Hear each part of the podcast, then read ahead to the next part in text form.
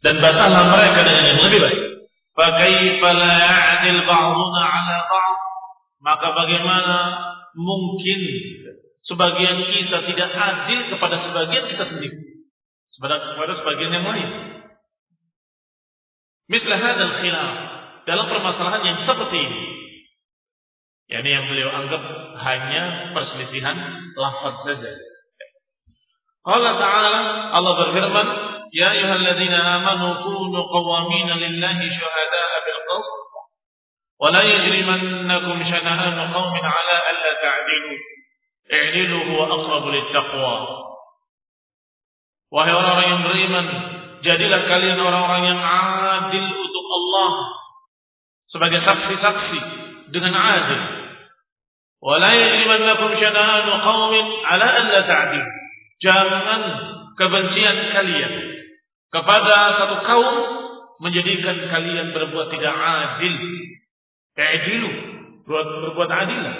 Huwa aqrabu littaqwa. Karena keadilan itu lebih dekat kepada ketakwaan. Qul inna a'udzu wa qul muslimin sahramati. Apa yang diucapkan oleh beliau rahimahullah wa ghafarallahu lahu adalah perkara yang sesungguhnya hak, hakikat yang hak bahwa kita disuruh untuk adil. Disuruh untuk membantah juga dengan keadilan. Allah, tetapi keadilan tentunya yang dipahami adalah keadilan syar'i. Keadilan syar'i adalah yang cocok dengan Quran dan Sunnah. Keadilan adalah apa yang mencocoki ayat dan hadis. Ini keadilan.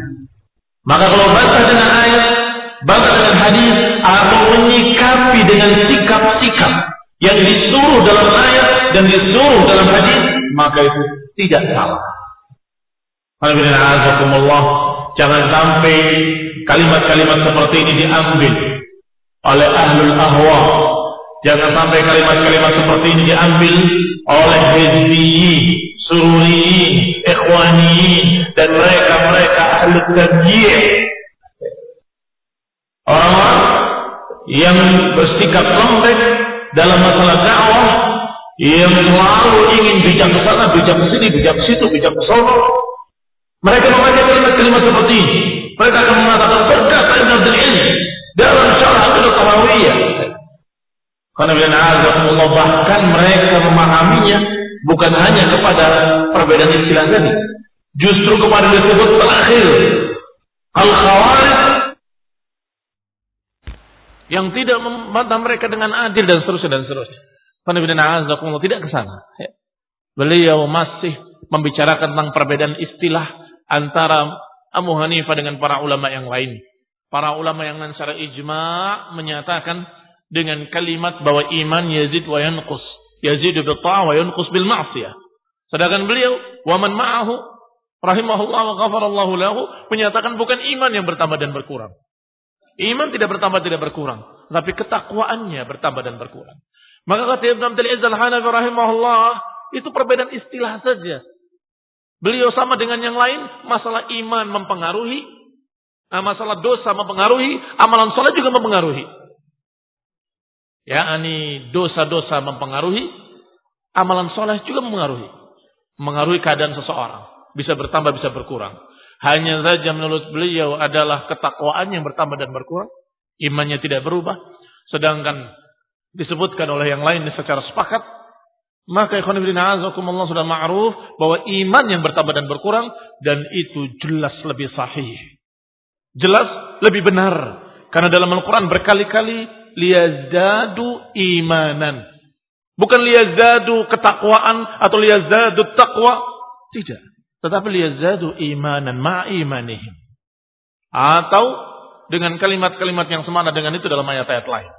Maka azakumullah. Faedah ini harusnya kita terapkan pada tempatnya. Kalimat-kalimat seperti ini kita hendaklah bersikap adil memberikan iya. Kita mengatakan aman nabihi dan kita menyatakan sami'na wa ata'na. Apa kata Allah? La yajrimannakum syana'anu qaumin ala an la ta'dilu.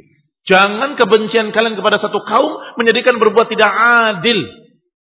Syekh Rabi hafizahullah ketika mendengarkan ucapan sururiyin hizbiyin berbicara tentang keadilan ini, ayat ini. Wala yajrimannakum syana'anu qaumin ala an la ta'dilu. I'dilu huwa aqrabu taqwa. Tetapi mereka menafsirkan hendaklah kita bersikap adil kepada ahlul bid'ah. Bagaimana sikap adilnya? Sikap adilnya kepada ahlul bid'ah adalah sebutkan kebaikan-kebaikannya. Sebagaimana kita mengkritik kesalahan-kesalahannya. Maka kita katakan mereka menyimpang dalam masalah ini. Tapi mereka bagus, lurus dalam masalah yang lain. Ini keadilan menurut sururiyin, hizbiyin, ikhwaniyin, dan sejenisnya. Maka kata Syekh Rabi, hafizahullah ta'ala, bukan itu keadilan. Bukan itu keadilan. Yang namanya keadilan, kalau lihat dari sebab turunnya ayat ini, adalah ketika mereka, para sahabat dan Rasulullah SAW, akan berangkat haji ke Makkah dihalangi oleh Quraisy. Ya. Maka mereka marah. Ya. ya Rasulullah, kita lawan saja mereka. Kita masuk secara paksa. Kita rijal. Kita berani untuk berperang dan seterusnya dan seterusnya. Padahal mereka dalam keadaan sudah berpakaian pakaian ihram. Mereka sudah berniat untuk haji. Mereka sudah masuk di dalam hukum-hukum ihram. Membunuh binatang buruan saja nggak boleh apalagi perang. Eh. Maka yang turun adalah ayat wala yajrimannakum syana'an qaumin ala an la ta'dilu i'dilu huwa aqrabu taqwa. Janganlah kebencian kalian pada mereka menjadikan kalian berbuat tidak adil, yakni melanggar bulan haram di negeri haram, di hari yang suci, di bulan yang suci, di tempat suci. Karena lihat maknanya adil. Berarti apa makna adil dalam ayat tadi? Janganlah kalian wahai para sahabat karena bencinya kepada orang-orang kafir musyrikin, kemudian kalian melanggar hukum-hukum Allah. Berarti apa yang namanya adil?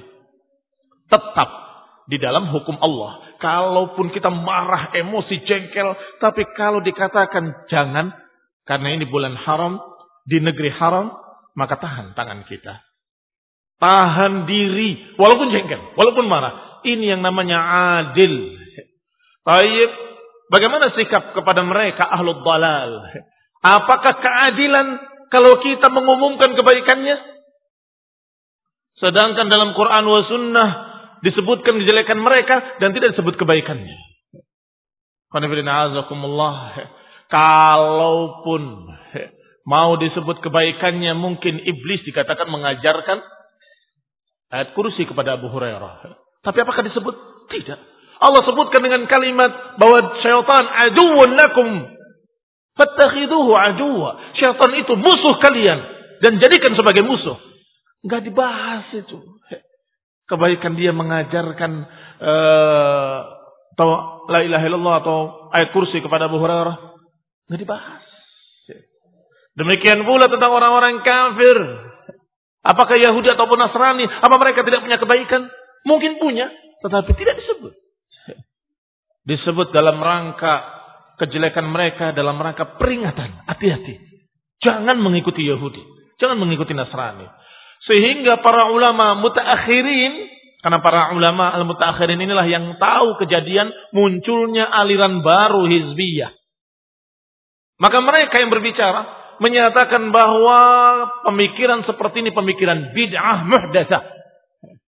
Bid'ah sururiyah, bid'ah hizbiyah, bid'ah ikhwaniyah yang dibawa oleh mereka, ikhwan muslimin, dilanjutkan oleh sururiyin, dilanjutkan lagi oleh orang-orang mutamayyi'in. Maka hati-hati. Ambil dan pahami ayat ini sebagaimana mestinya.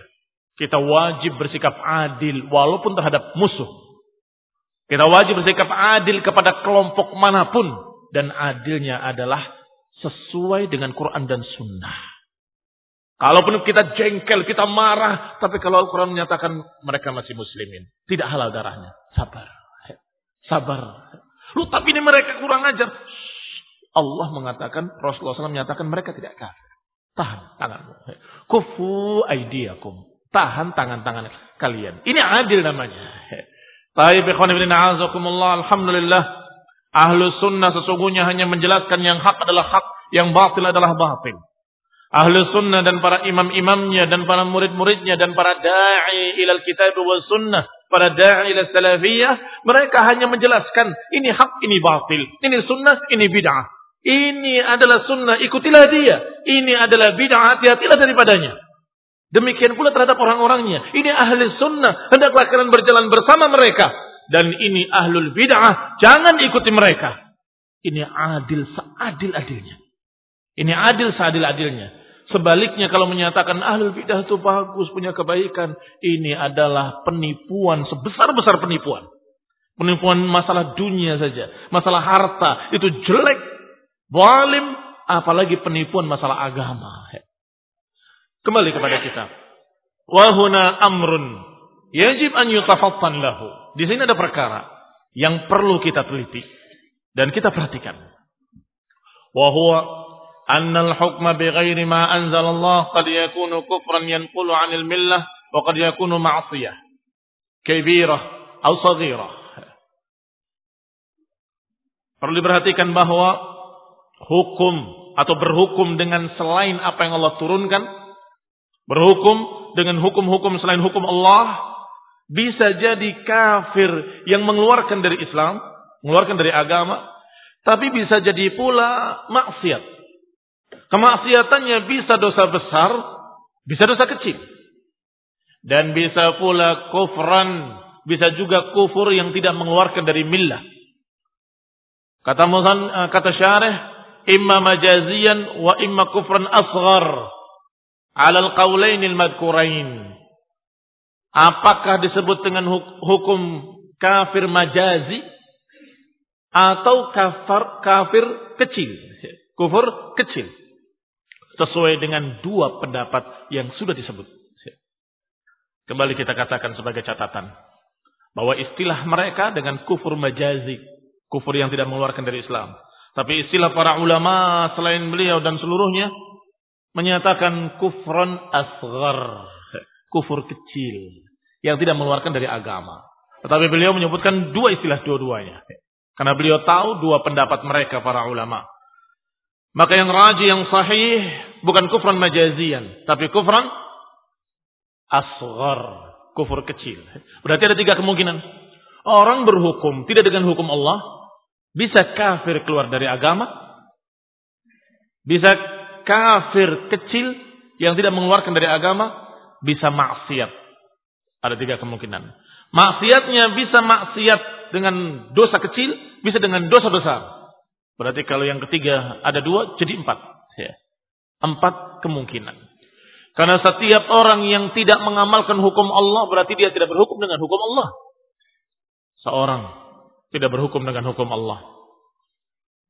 Harusnya itu haram, tapi dia kerjakan. Apa itu? Dosa.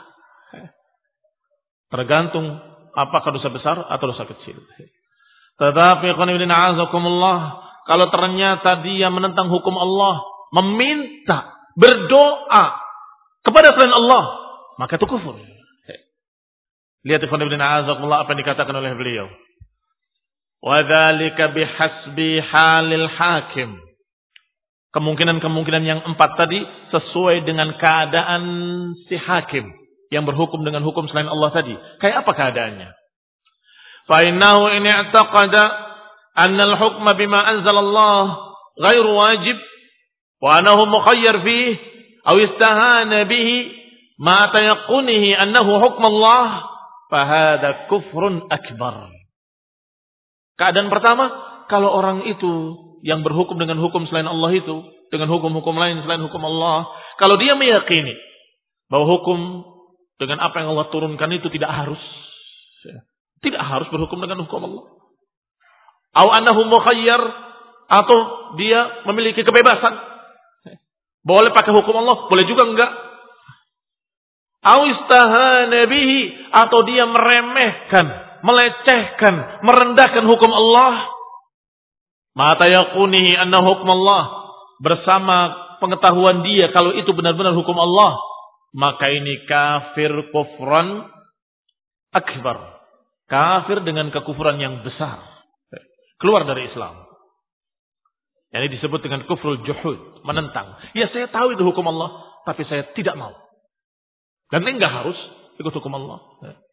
Ini khonudin azakumullah kafir, keluar dari Islam. Yang kedua ini taqada wujub al-hukum bima anzalallah. Yang kedua dia meyakini bahwa saya ini harus mengikuti hukum Allah. Kalau tadi menentang. Kalau ini menyatakan iya, saya yakin memang harus kita ikuti hukum Allah ini. Wa ilmuhu fi hadhil waqi'ah. Dan dia tahu bahwa apa yang dia kerjakan adalah satu kesalahan. Wa'adala anhu ma'atirafihi bi'annahu mustahiqun lil-uqubah. Dan dia menyelisihinya. Adalah anhu, artinya dia menyimpang dari yang seharusnya. Dengan pengakuan bahwa ini memang yang hak dan saya ini melanggar dan saya ini berhak untuk dihukum oleh Allah. Pantas juga adab. Fahada asin. Ini orang bermaksiat. Bermaksiat. Dia tahu, aduh, inilah salah ini saya. Ini dosa ini saya. Bingung dia, gelisah dia. Berarti masih punya iman. Maka itu maksiat. Itu kemaksiatan. Wa yusamma kafiran kufran majaziyan. Dan dijuluki dengan kufur majazi atau kufur asghar. Dijuluki dengan kufur kecil. Kenapa dikatakan kufur padahal tidak kafir? Karena perbuatannya hampir sama dengan perbuatan orang kafir. Ini berhukum dengan hukum selain hukum Allah. Orang-orang kafir. Orang ini juga tidak berhukum dengan hukum Allah. Kok sama? Iya perbuatannya sama. Kufur. Tetapi yang ini meyakini bahwa yang hak harusnya mengikuti hukum Allah. Dan dia merasa salah di hatinya. Dan dia tahu kalau itu keliru. Dia dosa. Dan biasanya ada kegelisahan, ada penyesalan. Ini yang namanya kufur amali atau kufur asghar. Wa in jahila hukmallahi fiha ma'a juhdihi. Sekarang kemungkinan ketiga. Kalau si hakim yang berhukum dengan hukum selain hukum Allah. Dalam keadaan dia bodoh. Tidak mengerti hukum Allah. Ma'abadli juhdihi. Dan dia sudah berupaya dengan sungguh-sungguh. Mencari hukum Allah apa kata Allah? Apa kata hadis? Wastifraghi wus'ihi. Dan dia sudah mengeluarkan segenap kemampuannya untuk mempelajari mana yang hak, mana yang sesuai dengan Quran dan Sunnah, mana yang sesuai dengan hukum Allah. Dia sudah berupaya, berusaha. Fi ma'rifati hukmi. Sudah berupaya untuk mengenali hukum Allah yang mana. Tetapi ternyata karena bodohnya salah. Wa akhta'ahu. Dan dia keliru. Maka yang ketiga ini tidak kufur akbar, tidak kufur kecil. Fahada mukhti'un. Orang ini salah, keliru. Ya. Keliru, salah tidak sengaja. Maka dikatakan lahu ajrun ala ijtihadi. Dia mendapatkan pahala karena kesungguh-sungguhannya mencari hukum Allah. Malah dapat pahala karena kesungguh-sungguhannya mencari hukum Allah, mempelajari ayatnya, mencari hadisnya, mencari ucapan-ucapan para ulama, tapi kemudian keliru. Maka orang yang seperti ini akhta'a. Dia tergelincir keliru. Wa khata'uhu maghfur. Usahanya dapat pahala, kesalahannya dimaafkan. Lihat tiga keadaan. Hakim yang pertama, hakim yang kedua, hakim yang ketiga. Hakim yang pertama sudah diketahui oleh dia itu hukum Allah, tapi dia nggak mau. Saya nggak mau. Mau apa? Ini hukum Allah. Saya tahu hukum Allah. Emang saya harus ikuti hukum Allah? Astagfirullah, astagfirullah, astagfirullah. Ini jelas kufur akbar. Tapi yang kedua adalah orang yang berbuat kesalahan, dosa, tahu dia itu hukum Allah dan dia merasa saya melanggar hukum Allah, saya ini bisa diadab oleh Allah, maka dia gelisah. Berarti dia masih punya iman. Maka orang seperti ini perbuatannya tidak dikatakan kufur yang mengeluarkan dari Islam, tetapi kufur asghar. Yang ketiga, orang yang berusaha untuk mencari hukum Allah kemudian salah. Maka yang ini lebih ringan lagi. Usahanya dapat pahala, kesalahannya dimaafkan. Warada syekh rahimahullah. Dan dikatakan oleh syekh rahimahullah dalam ucapan matanya ini oleh syekh Abu Ja'far Tahawi, "Wala naqulu la yadur ma'al imani dhanbun liman 'amilahu."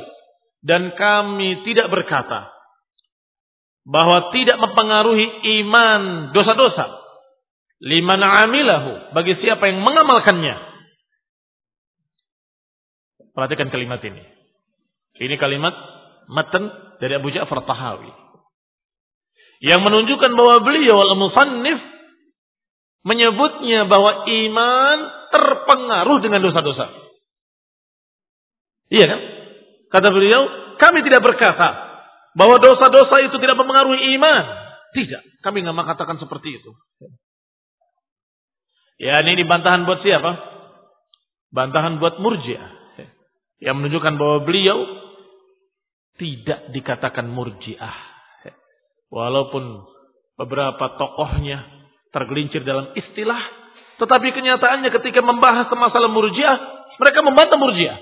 Dan berkata la, la naqulu la yadur ma'al imani dhanbun. Kita tidak berkata bahwa dosa-dosa itu tidak mempengaruhi iman. Tidak. Kita mengatakan bahwa dosa mempengaruhi iman.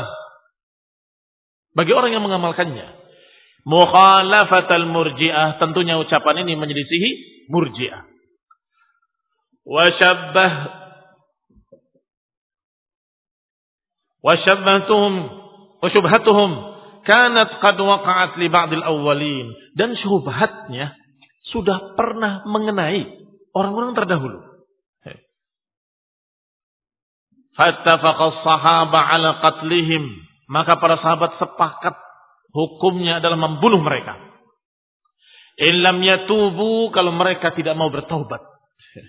Kalau mereka tidak mau bertaubat, mereka dibunuh. Fa inna Qudamah ibn Mad'un. Kisahnya bahwa sesungguhnya Qudamah ibn Mad'un radhiyallahu taala anhu pernah minum khamr. Ba'da tahrimiha, setelah diharamkan khamr. Huwa wa ta'ifah Beliau dan beberapa orang. Ta'awwalu qawlahu ta'ala menakwilkan ucapan Allah Subhanahu wa taala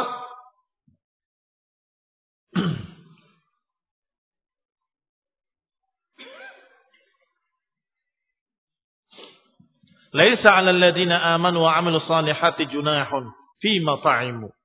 Idza mattaqaw wa amanu wa 'amilus salihat. Tidak mengapa bagi orang-orang yang beriman dan beramal saleh pada apa yang mereka makan atau mereka minum. Tidak mengapa. Selama mereka bertakwa, beriman, dan beramal saleh. Silahkan mau makan apa, silahkan mau minum apa. Al-ayah.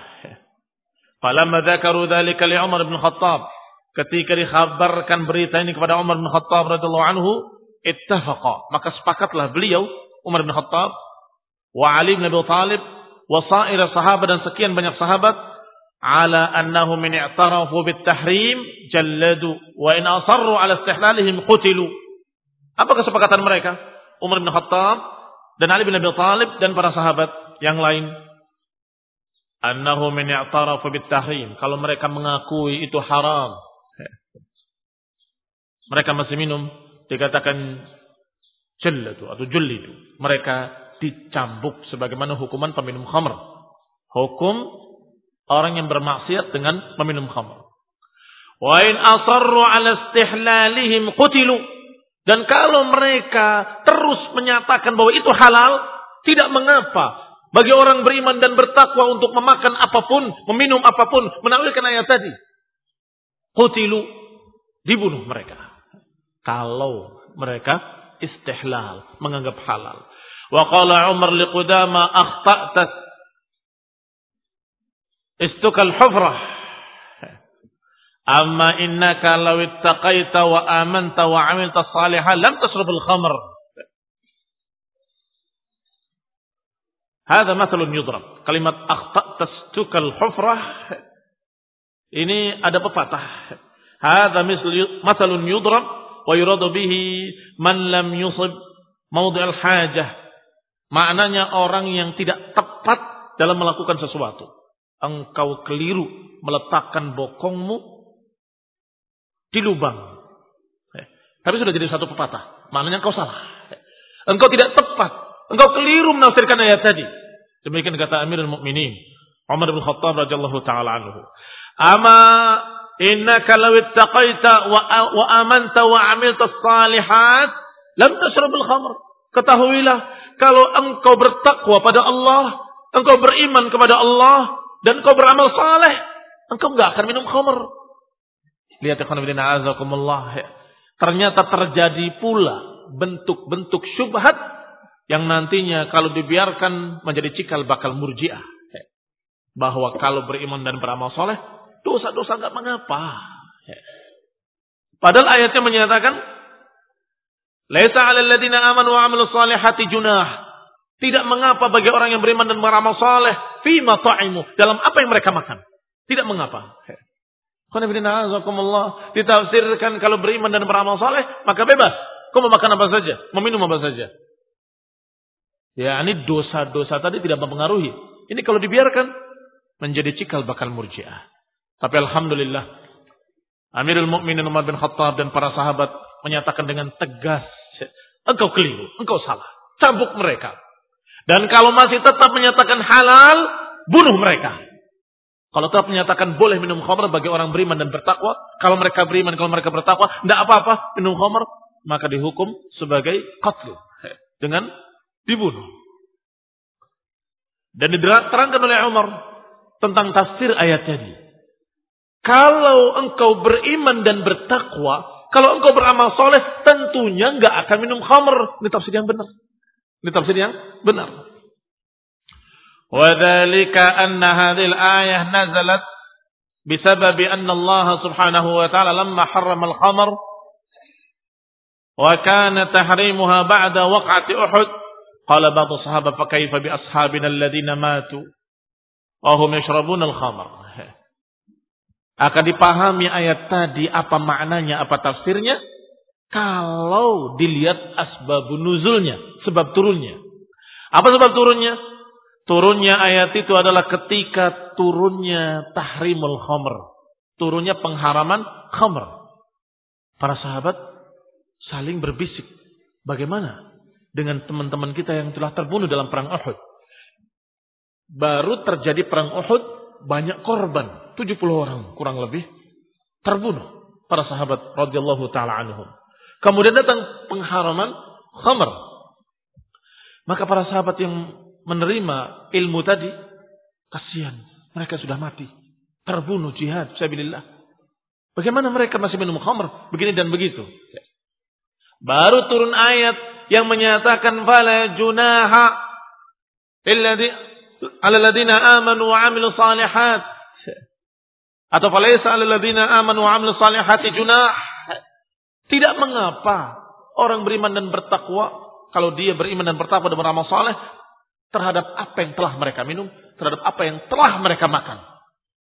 Paham maksudnya? Karena mereka dalam mati dalam keadaan belum tahu hukumnya, tidak mengapa. Selama mereka beriman, beramal saleh, bertakwa. Lihat ikhwan ibn a'azakumullah. Ketika mereka bertanya, "Fakaifa bi ashabina alladzina matu wahum yashrabun al-khamr?" Bagaimana dengan sahabat-sahabat kita yang telah wafat dalam keadaan mereka minum khamr dulu? Fa anzalallah hadhil ayah, maka Allah pun menurunkan menurunkan ayat ini.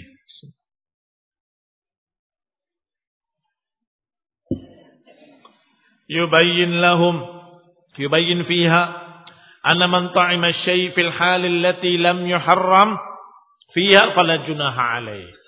Yang menerangkan bahwa mereka yang memakan sesuatu atau meminum sesuatu dalam keadaan bahwa dia belum diharamkan maka tidak mengapa. Idza kana minal mu'minin al-muttaqin al-muslihin. Kalau mereka adalah orang yang beriman, bertakwa dan orang yang beramal saleh. Kama kana min amri istiqbali Baitul Maqdis Sama keadaannya dengan keadaan dulu ketika berpindahnya Baitul Maqdis. Para sahabat bertanya, bagaimana dengan kemarin dulu? Sekian lama kita beribadah menghadap ke Masjidil Haram. Berarti keliru dong. Salah dong. Tidak. Allah nggak akan menyia-nyiakan iman kalian. ثم إن أولئك الذين فعلوا ذلك يذمون على أنهم أخطأوا Kemudian mereka yang melakukan hal tersebut yang tadi Ibnu Qudamah dan kawan-kawannya yudamuna ala annahum akhtau. Mereka dicela atau dicerca karena mereka keliru. Wa aizu taubah. Kalau mereka tidak mau bertaubat. Fakataba Umar ila Qudamah yaqulu lahu. Maka Umar menulis surat kepada Qudamah dan berkata kepadanya, Hamim. Tanzilul kitab min al-aziz al-alim. Ghafir dhanbi wa qabil taubi syadid al-iqab. Ketika mereka merasa putus asa dari taubat, aisu min taubah maka Umar menulis surat. Hamim dengan ayat Allah Subhanahu wa taala.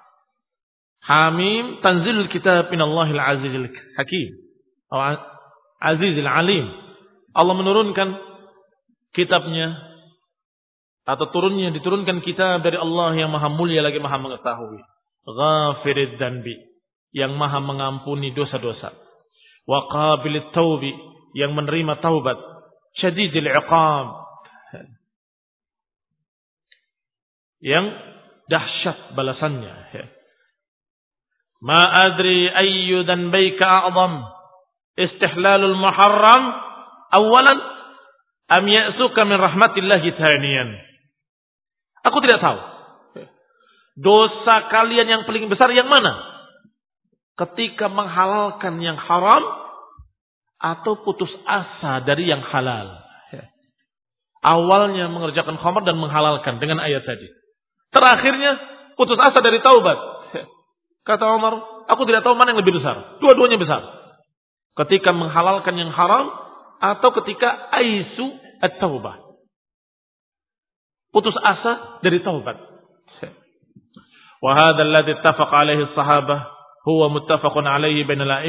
Dan apa yang disepakati oleh para sahabat tadi adalah perkara yang disepakati pula oleh seluruh para ulama bahwa istihlal itu adalah kufrun akbar kalau dia menghalalkan sesuatu. Kalau dia minum khamr, dicambuk. Dosa. Tapi kalau mengatakan halal, itu kan nggak apa-apa. Apalagi menakwilkan ayat. Menyeret ayat kepada apa yang mereka mau. Bukankah Allah mengatakan tidak mengapa bagi orang beriman dan beramal soleh untuk makan apa pun. Atau untuk minum apa pun. Astagfirullah. Ini perkara yang mengerikan istihlal. Maka hukumnya lain. Selesai Alhamdulillah. Bab tentang masalah pemikiran khawarij dan pemikiran irja. Berikutnya adalah ucapan musannif Abu Ja'far Tahawi rahimahullah wa narju lil muhsinin minal mu'minin an ya'fu anhum wa yadkhiluhumul jannah birahmatih wa la na'man alaihim ولا نشهد لهم بالجنة ونستغفر لمسيئهم ونخاف عليهم ولا نقنطهم dan kita yakni ahli sunnah dan kita ahli sunnah mengharapkan bagi orang-orang baik dari kalangan mukminin mengharapkan semoga Allah memaafkan mereka semoga Allah memasukkan mereka dalam surga dengan rahmatnya harapan-harapan yang baik tetapi la na'man alaihim. Tetapi kita tidak merasa aman atas mereka. Maksudnya mengkhawatirkan mereka. Berarti apa? Tidak memastikan. Mengharapkan semoga diampuni, semoga dimaafkan. Tapi tetap ada kekhawatiran. Jangan-jangan dia diadab karena dosa-dosanya. Dan itu bagi seluruh orang-orang beriman. Tentunya selain Rasulullah SAW yang sudah maksum yang tidak mungkin ada kesalahan padanya atau orang-orang yang sudah dijamin dengan jannah. Tetapi kita dan orang-orang yang bersama kita seluruh kaum muslimin ahli sunnah mukminin tetap saja kita mengkhawatirkannya karena mereka semua manusia punya salah, punya keliru, punya dosa. Maka mengharapkan yang baik-baik. Semoga Allah mengampuninya, semoga Allah memaafkannya, semoga Allah memberikan kepadanya taubat dan seterusnya. Walaupun tetap la aman. Tidak merasa aman itu artinya mengkhawatirkan atas mereka. Wala nashub mala nashhad lahum bil jannah. Maka kita ahlu sunnah tidak memastikan mereka dengan surga. Si ahli surga. Belum tentu. Tapi kan dia orang soleh. Walaupun orang soleh. Kita hanya melihat yang dohir-dohirnya saja. Batinnya kita nggak tahu.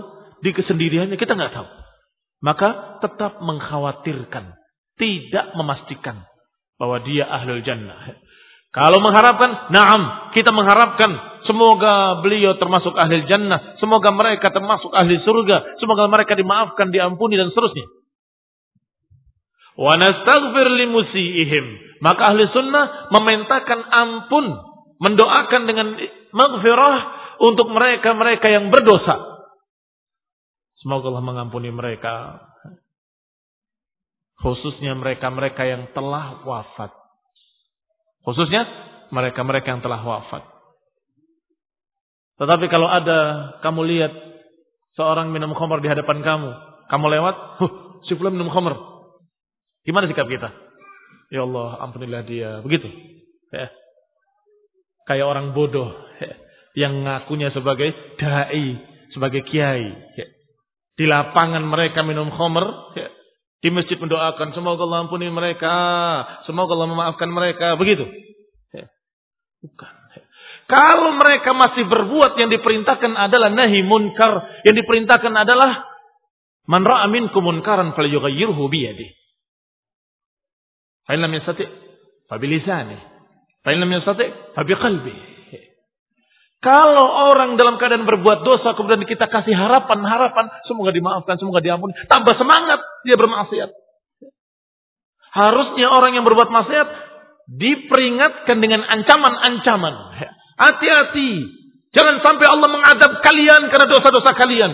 Jangan sampai kalian dibakar oleh Allah dalam api neraka jahanam supaya mereka berhenti dari dosa-dosanya. Tetapi ketika mereka wafat, bagaimana Ustaz? Kita antarkan orang itu yang kemarin minum khamr, antarkan jenazahnya, doakan dia. Semoga Allah memaafkan, semoga Allah mengampuni. Itu yang namanya ahli sunnah. Menempatkan sesuatu pada tempatnya, adil. Di mana memberikan harapan, di mana memberikan ancaman. Ancaman-ancaman terhadap dosa-dosa mereka ketika mereka masih melakukannya. Diperingatkan dengan ancaman-ancaman adab dari Allah SWT. Ketika mereka ternyata sudah sakit menyesal. Ketika sakitnya dia menangis-menangis terus. Kenapa? Saya dulu banyak dosa, saya minum khamr dan sebagainya. Baru diberi harapan. Allah maha menerima taubat. Semoga Allah mengampunimu. Semoga Allah memaafkanmu. Minta Allah, minta ampun pada Allah. Minta maaf pada Allah Ta'ala istighfar. Berikan harapan-harapan. Karena Firman Azza lihat tempatnya. Apalagi ketika sudah wafat. Maka kita harapkan kebaikan-kebaikan selama mereka masih muslim. Maka boleh kita mendoakannya Allah magfirlahu. Warhamuhu. Wa'afihi. Wa'fu anhu. Wasi' man khalahu. Waqsilhu bil ma'i wa thalji wal barak. Ila akhirih. Barakallahu fikum. Kita insyaAllah akan bahas bab ini pada kajian mendatang bismillah taala subhanakallahumma bihamdika asyhadu an la ilaha illa anta astaghfiruka wa atubu ilaik. Wassalamualaikum warahmatullahi wabarakatuh.